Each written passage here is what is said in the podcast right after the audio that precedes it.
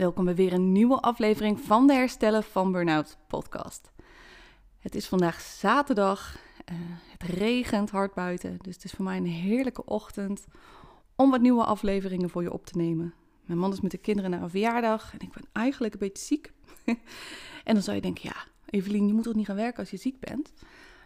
Maar ik merk als ik de hele dag dus ga slapen of de hele dag ga liggen, uh, dat ik me vaak beroerder ga voelen. En dit is dus misschien iets wat voor jou nu al een mooie takeaway is. Het helpt mij heel erg om te gaan creëren, dingen te gaan maken. En dan maakt het eigenlijk niet uit of dat iets uh, is wat um, niet echt nut heeft, hè, zoals iets van tekenen of knutselen of nou ja, goed, wat dan ook. Um, of dat het iets is wat nuttig is, zoals bijvoorbeeld een podcast opnemen of iets um, creatiefs op mijn werkgebied doen, hè, qua marketing. Dat vind ik namelijk ook heel erg leuk. Dus voor mij maakt het niet zo heel erg veel uit wat ik dan doe. Als het maar iets met creatie te maken heeft. Nou ja, ik vind het heel erg leuk om kennis te delen. Uh, daar word ik zelf heel blij van. Dus ik dacht, ik ga vandaag lekker um, voor de bank, op de mat, op een kussentje, met mijn laptop en microfoon een paar afleveringen voor jou opnemen. Um, ja, gewoon omdat ik daar een fijn gevoel van krijg en omdat ik weet dat je erop zit te wachten. Want ik heb echt heel veel DM's gekregen. En dat vind ik super leuk om te horen uh, hè, wat je van de aflevering vindt en uh, nieuwe vragen. Dus ik heb er nu volgens mij, even kijken, zes staan die ik uh, wil gaan opnemen. En ik kijk even hoe ver ik daar vandaag mee kom.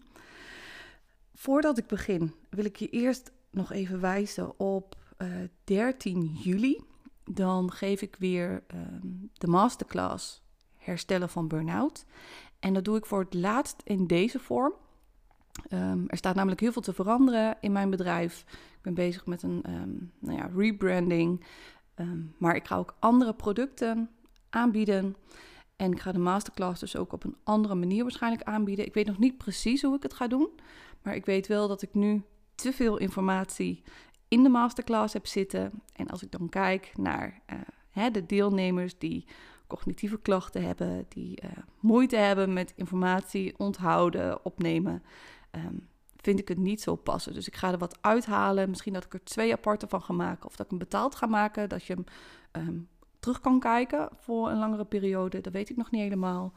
Um, maar wil je dus nog uh, de oude versie kunnen zien, meld je dan aan voor ik ga heel veel gelijk kijken, 13 juli om 10 uur s ochtends.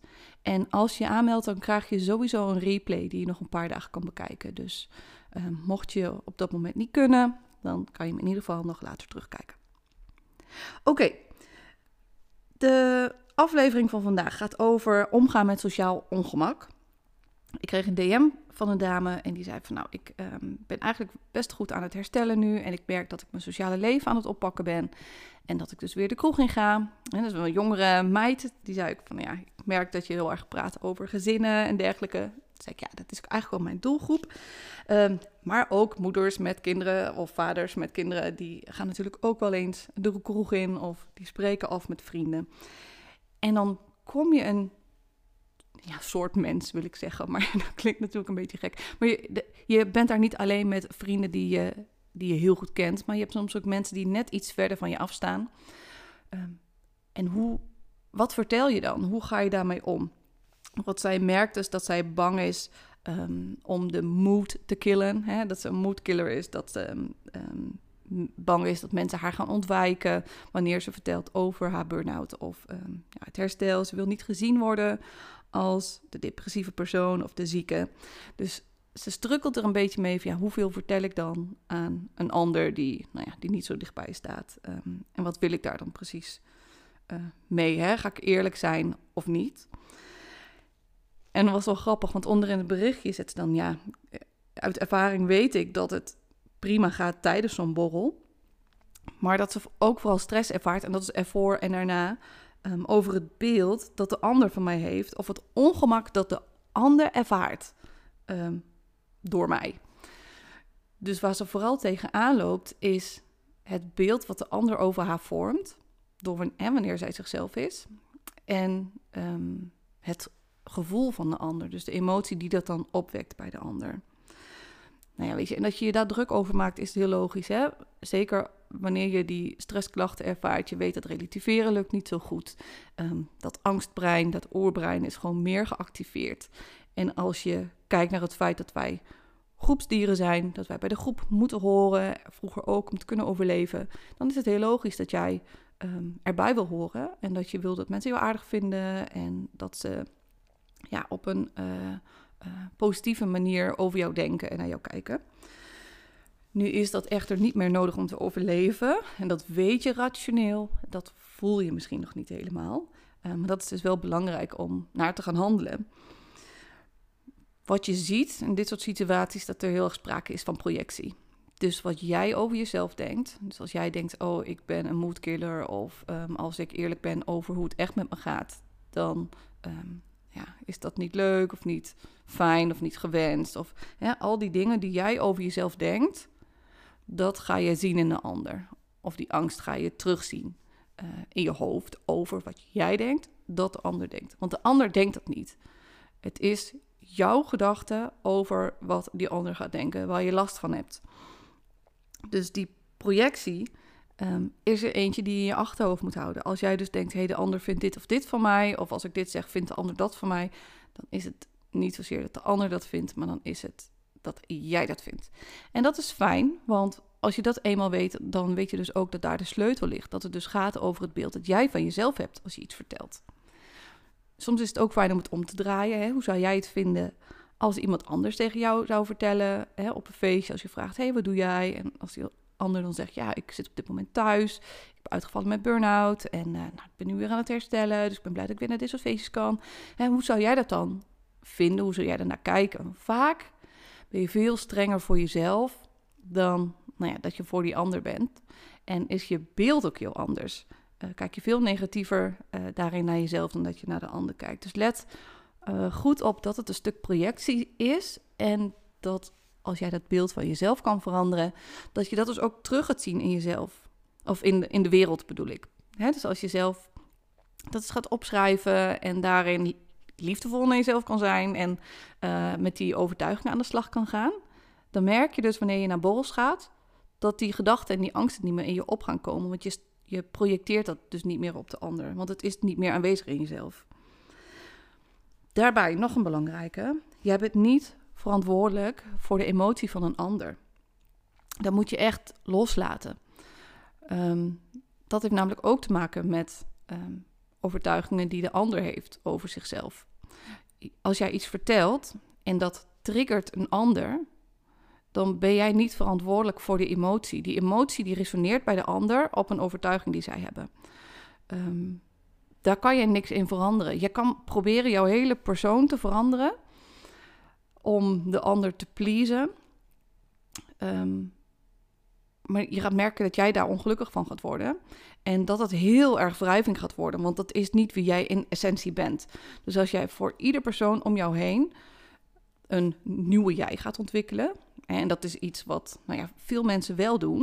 Ik weet het zeker vanuit het hè, de neurodiverse brein, de autisten, de ADHD'ers, die, die hebben bijna voor elke vriend wil een, persoon, een andere persoonlijkheid ontwikkeld. Want die weten, oh, die grapjes vind je leuk en uh, je houdt van dat soort dingen, dus gaan we daarover hebben. Hè?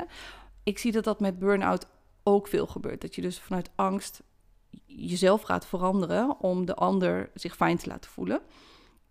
Um, maar dat is iets wat je absoluut mag gaan doorbreken. Als jij gezond in het leven wil staan, mag je echt zelf verantwoordelijkheid nemen voor je eigen emoties. En leren dat de ander verantwoordelijkheid heeft voor zijn of haar emoties. En wat daar vaak helemaal ten onder ligt, en daar kom ik op andere afleveringen straks ook wel weer op terug, is dat dat misschien als kind niet zo veilig heeft gevoeld. Dus dat jij als kind ergens een overtuiging hebt gekregen. Ik ben verantwoordelijk voor het geluk van de ander. Of ik ben verantwoordelijk voor um, dat anderen zich oké voelen. Want dan ben ik ook veilig. Want dat was vroeger wellicht zo. Hè? Als jouw ouders emotioneel niet goed gereguleerd waren of heel boos waren. Of nou ja, misschien, uh, ik weet niet wat er allemaal vroeger kon spelen. Um, maar dat jij als kind hebt geleerd van ze moeten geen last hebben van mij. Of ik moet voor de rest zorgen. Want dan blijven mijn ouders bij elkaar. Of heb ik een dak boven mijn hoofd. Of is de sfeer gewoon fijn. Dan zal je merken dat je dat nu nog steeds doet. En bij je kind kan je heel makkelijk zien van ja, maar jij bent toch niet verantwoordelijk voor je ouders? Die zijn zelf toch volwassen en die kunnen toch voor zichzelf zorgen? Als volwassenen eh, zien we dat in één keer niet meer. Dan lijkt het alsof het wel nodig is dat jij voor de ander zorgt. Alsof jij, ehm, ja, alsof de ander dat zelf niet aan zou kunnen. Dus dat is een heel mooi stuk om eens te gaan onderzoeken. Hoe ga jij daar zelf mee om? Ehm, als je bij anderen bent, probeer jij emoties van anderen te voorkomen. Ga jij daardoor heel wat werken of heel wat vooruitdenken? Um, en ben, je de, ben jij er misschien um, ben je ervan bewust? Er zijn ook heel veel mensen die zich daar helemaal niet van bewust zijn. Uh, en misschien hoor je dit nu wel voor het eerst. En dit is denk ik een, ja, dit, dit, is dus ook een online programma die ik ga ontwikkelen. Dat heeft te maken met, ja, met, met dat soort strategieën die je gaat inzetten. Um, want dit zorgt voor heel veel stress. Als jij de hele wereld moet redden en ervoor moet zorgen dat iedereen zich fijn voelt, dan kan je nooit bij jezelf zijn. En dan kan je nooit vanuit je eigen uh, kracht en vanuit je eigen ja, verlangens gaan leven.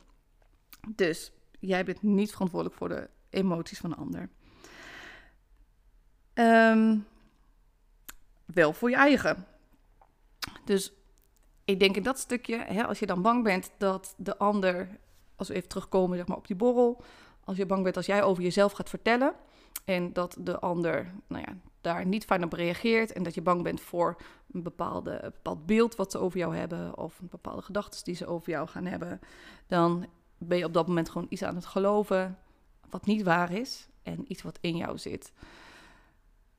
Dus resume, heb jij die situaties en merk je dat je daar heel veel stress van krijgt, probeer dus niet je gewenst te gaan gedragen naar de ander toe. Maar ga gewoon lekker schrijven. En schrijf eens op wat denk ik dan over mezelf en waar ben ik dan bang voor. En ga die gedachten onderzoeken. Ehm, en ga gewoon eens naar jezelf praten of voor jezelf opschrijven hoe je tegen jezelf zou praten als toen jij een kind was. Hè, dus dat, dat je gewoon mag zijn en ehm, dat je hartstikke goed bezig bent en ehm, dat je juist het angstbrein gaat kalmeren en gaat geruststellen. Nou, ik hoop dat ik op deze manier de vraag ehm, heb kunnen beantwoorden. Ik merk dat ik heel erg ben gaan uitweiden. Um, maar volgens mij komt het best veel voor. En kan je dit ook doortrekken naar werk met collega's of naar verjaardagen waar je uh, familie of nou ja, hè, kennissen tegenkomt. Kijk vooral wat geloof ik over mezelf en ga daarmee aan het werk. Dit was hem voor nu. Ik wens je een hele fijne uh, en rustige dag. En uh, nou, mogelijk zie ik je um, bij de masterclass op 13 juli. En zo niet, dan zie ik je vast tijdens de uh, nou, andere masterclasses die ik daarna ga geven. Of bij de volgende aflevering van de Herstellen van Burnout podcast. Tot dan!